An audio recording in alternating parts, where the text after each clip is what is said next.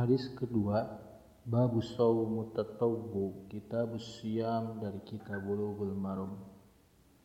An Abi Ayyub Al-Ansari radhiyallahu anhu anna Rasulullah sallallahu alaihi wasallam qala Man shoma Ramadana thumma atba'ahu sittan min Syawal kana kasiyamid dahri.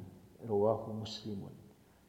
Dari Abu Ayyub Al-Ansari radhiyallahu anhu bahwasanya Rasulullah Shallallahu alaihi wasallam bersabda Barang siapa yang puasa Ramadan kemudian dia ikuti dengan enam hari pada bulan Syawal maka dia seperti berpuasa selama setahun.